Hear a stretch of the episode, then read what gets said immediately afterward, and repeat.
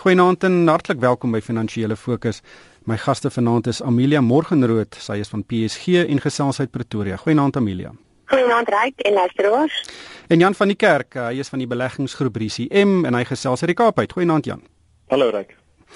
Ek wil begin met die rand wat hierdie week weer eens uh, tot 'n nuwe algehele laagtepunt geval het en dit het Vrydag rondom vlakke van R14.30 verhandel en is werklik slegte nuus vir Suid-Afrika dit sal inflasie opjaag dit gaan rentekoerse heel moontlik uh, ook uh, verhoog en dit maak ook mense armer in wêreldterme. Aan die ander kant is daar 'n bietjie goeie nuus uh, myne en vervaardigers kan dalk meer mededingend wees en dit is eintlik kritiek omdat hierdie bedrywe onder geweldige druk verkeer. Amelia hoekom kry die rand nou ewe skielik so 'n groot pak slaag Ja, like tot nou toe was daar baie onsekerheid gewees rondom die um, tydberekening van rentekoersstygings in Amerika.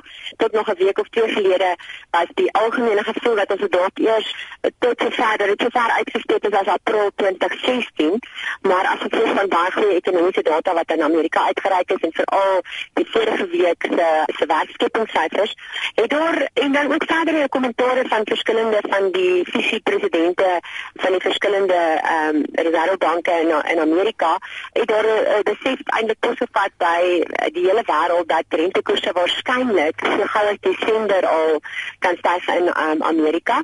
En ons het dit geweet dat as daar 'n uh, definitiewe datum kom of as dit gouer kom as verwag dan gaan ons rand verswak. Maar daar is ook daar, daar word nou baie gespekuleer oor geldeenhede in die algemeen. As jy gaan kyk na wat in die verlede gebeur het ver terug, wanneer Amerika gewoonlik in 'n in 'n stygende rentekoers omgewing ingaan en wanneer rentekoerse gaan styg dan gewoonlik sal die Amerikaanse dollar baie verstewig in aanloop tot dit en dan wanneer dit aangekondig word en fisies gebeur dan is die dollar geneig om dan weer 'n bietjie terug te val. So dit sal my nie verbaas as rentekoerse dan uiteindelik wel styg in Desember dat ons rand dalk so 'n bietjie asem kan skep en weer kan verbeter nie. Jan, so dis 'n dis 'n eintlik eerder 'n sterk dollar as 'n swakker rand. Hmm. Ja, ek dink dit is reg. Een punt wat ek net wil byvoeg uh, by Amelia is dat uh, jy weet sover as dit 'n sterk dollar is, dan sien jy meeste ontlikeende geldeenhede verswak. En vir die grootste deel van die jaar was dit wel geval, maar dit wil tog begin voel asof die laaste maand se beweging in die geldeenheid die rand so 'n bietjie op eie val. Ehm um, wie die rubel het versterk, die real het versterk uh, of in lyn gebly met die dollar en dit asal voel so half of die rand op die oomblik op sy eie val en dit kan wees dat dit tot 'n mate reflekteer weet 'n bietjie slegte nuus rondom Suid-Afrika, maar meeste van die swakheid is maar die rand saam met blykende markte.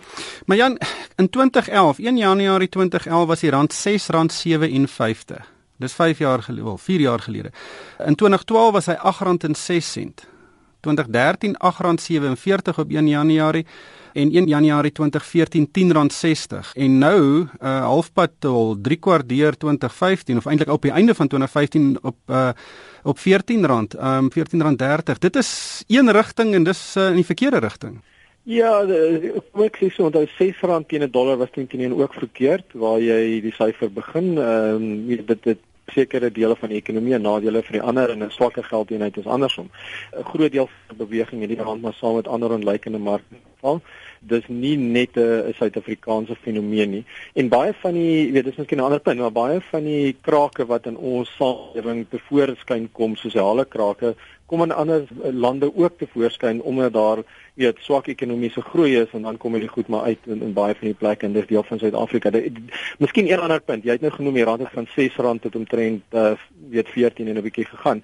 Maar inflasie oor daai hele tydperk het nooit regtig bo 6% gegaan nie. So daar's 'n algemene paniek in Suid-Afrika dat as die rand verswak, dan kom daar inflasie en rentekoerse moet hoër gaan, maar ten spyte van die feit dat die rand vir weet se waarde gehalveer het, elektrisiteitspryse het omtrent vir 3 dubbel oor daai periode, regeringsspandering op salarisse het in reële terme teen 13% gegroei en ten spyte van dit was inflasie nooit regtig baie bo 6% in hierdie hele periode nie. So die vrees vir verskriklike hoë inflasie waarna jy voorheen verwys het, is miskien oordrewe. Ek kan miskien ook aansluit daarby Jan wat betref data op die plaaslike front en dat ons rand dalk bietjie meer verswak het.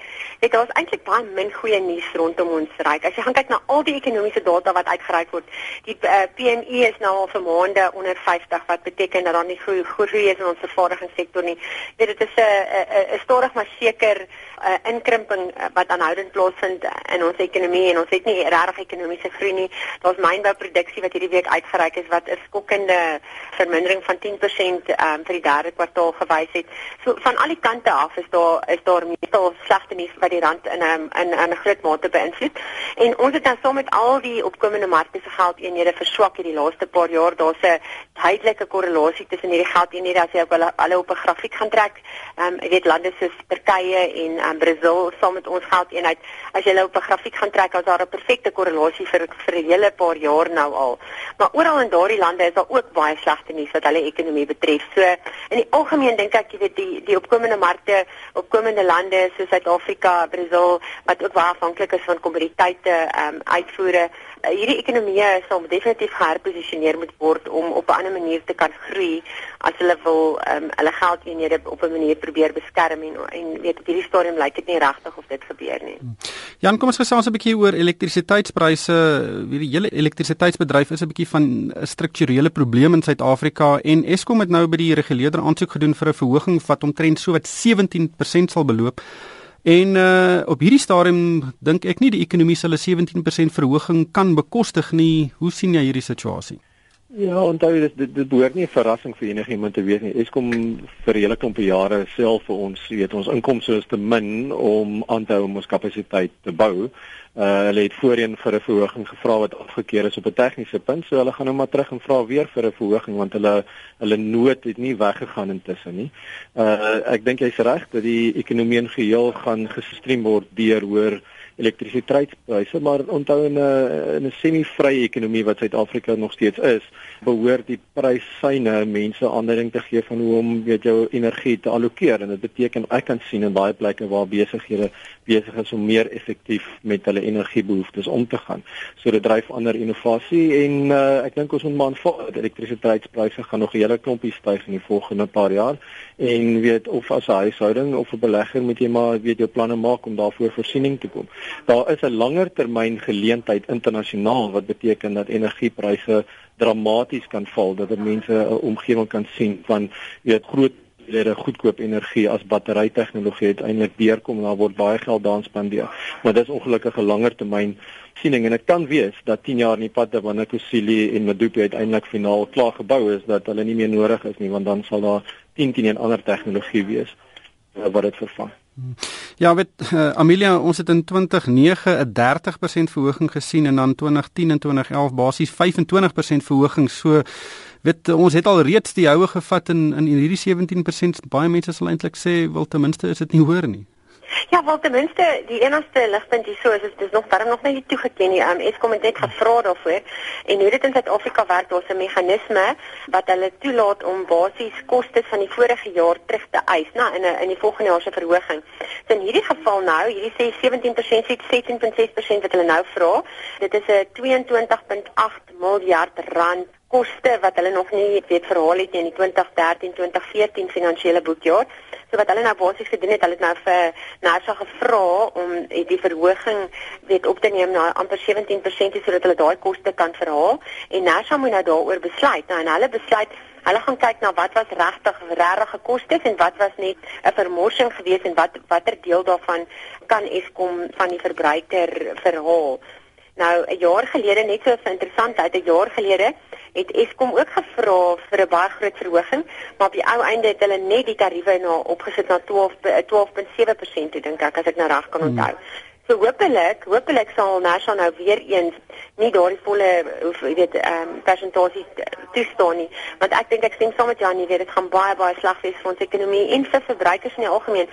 Ehm um, weet besighede, ek stem saam besighede herposisioneer hulle self en hulle kry ander maniere om hierdie koste te absorbeer en om dit te kom. Maar wat my bekommer is die stand van die verbruiker. Die gewone ou op straat, die middelklas weet ehm um, hierdie is net nog ekstra kostes wat opbou ehm um, en wat hulle mee moet deel en hulle is al reeds in 'n baie goeie posisie. Hmm, absoluut.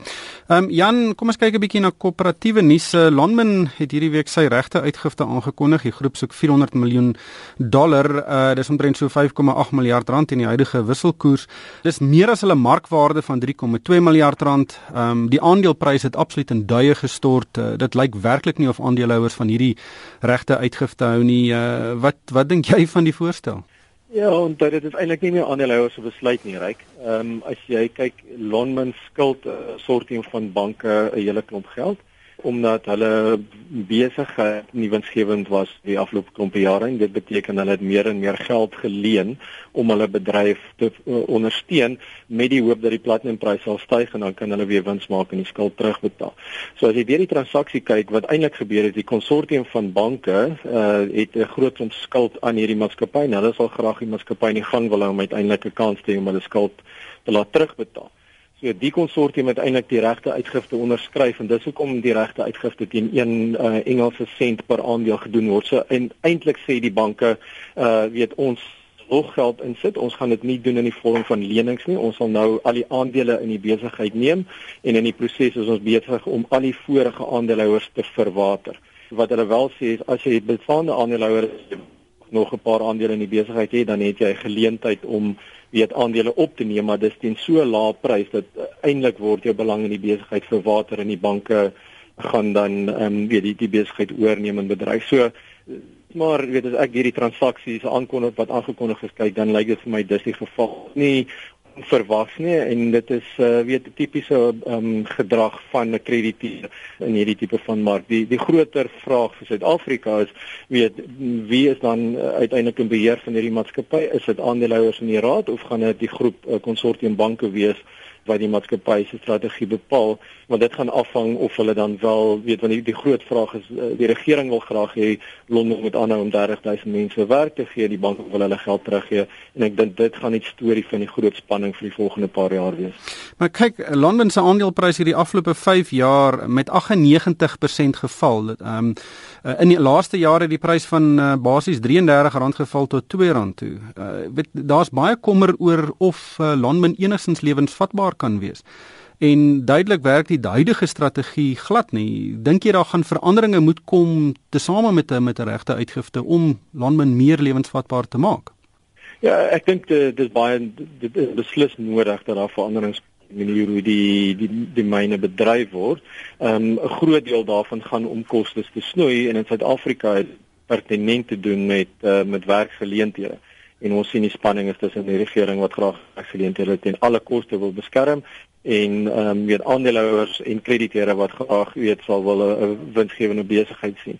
Maar weet ek dink onthou Londen is die derde grootste platinum produsent in die wêreld en die wêreld het die platinum nodig wat Londen produseer. Oh Komlik is die wêreld nie bereid om daarvoor te betaal nie en dit beteken dat hierdie besigheid in 'n moeilike situasie is. So daar is 'n uh, 'n kans dat weet erns in die volgende paar jaar daai myne toemaak en dat die 30000 mense wel hulle werk verloor. Hmm. Want ons hoop daar iemand kan 'n haas of 'n uh, ordentlike stuk platinum uit te hoed uittrek. Ehm um, net laastens uh, Amelia Don is 'n boumateriaalmaatskappy, 'n um, ehm, interessante maatskappy en die direkteur het 'n ongewone stap geneem hierdie week en uh, gesê hulle gaan 7 miljoen rand se bonusse terugbetaal. Ehm um, nadat aandeelhouers 'n boei oor hierdie bonusse opgeskop het. Ehm um, nou hierdie bonusse is in 2014 betaal verlede jaar um, en die maatskappy het toe nie te waffers gevra nie en die aandeelhouers het gevra hoekom het julle vir julleself hierdie groot bonusse betaal? Wat dink jy? Is dink jy dit skep 'n presedent? Wel, ehm um, eerstens kan ek sê Don was vir baie jare nogal een van die top presterende maatskappye op die JSE gewees. 'n Baie um, oulike maatskappy wat weet hulle is in alles betrokke in die distribusie en eintlik uh, basiese agentskappe van boumateriale en ook in logistiek. Nou in die, in die sek ook 'n log, um, logistieke maatskappy want hulle moet al die goed ook aflewer en hulle het baie um, trokke en so voort op die pad. Maar die laaste 2 of 3 jaar het hulle nie so goed gevaar nie. Winsgewendheid het definitief baie ernstig getaan as gevolg van ekonomiese omstandighede wat verander het en ek dink dit is maar 'n algemene ding wat plaasgevind het veral by hierdie groot dit alles eintlik basies 'n groot handelaar van boumateriale nê hulle verskaf dit aan die direk aan die publiek nie. En eintlik jy weet tipies wanneer 'n maatskappy nie so goed vaar nie en wanneer dit so 'n bietjie sleg gaan met hulle is dit mos nou nie regtig tyd om groot bonusse te betaal nie maar hulle het eintlik voortgegaan en reuse bonusse toegeken aan aan hulle topmense in die maatskappy selfs in 2014 um, was hulle baie gekritiseer toe hulle met groe uh, transaksies gedoen het en daarvan die uh, van een van die uitvoerende beamptes was wat 'n reuse 10 miljoen rand se ehm um, fooi gekry het omdat hy 'n deel was van hierdie transaksie. Nou die algemene gevoel is dat die bestuur van die maatskappy of die direksie van 'n maatskappy moet in elk geval hierdie tipe goed vir 'n maatskappy doen. Hulle hoef nie 'n ekstra fooi daarvoor te kry nie. En hierdie transaksies het nie regtig daartoe gelei dat die winsgewendheid van die maatskappy verbeter het nie. En toe was daar van die uh, aandeelhouers aktiviste en dit is my so lekker om nuwe name te sien. Jy weet want ons het nou vir 'n lang tyd net iemand soos Theo Botha se naam gesien. En in hierdie geval was dit Chris Logan van Business Day wat hierdie betaling ontdek het in die in die in die jaarverslag van die maatskappy en wat regtig het weet 'n uh, aksie aan die gang gesit het om om dit te kritiseer en van die ander groot aandeelhouers ook baie ingetrek het. En uiteindelik het hulle toe nou hierdie bonus ehm um, het hulle besluit om dit om te draai en dit terug te gee. Ja, en dit dit dit ek dink dit is fantasties dat dat daar mense in ons land is wat opstaan en en die ouens dwing om hulle belange met die aandeelhouers eintlik te belei ja. dat hulle nie hulle self bevoordeel ten koste van aandeelhouers nie.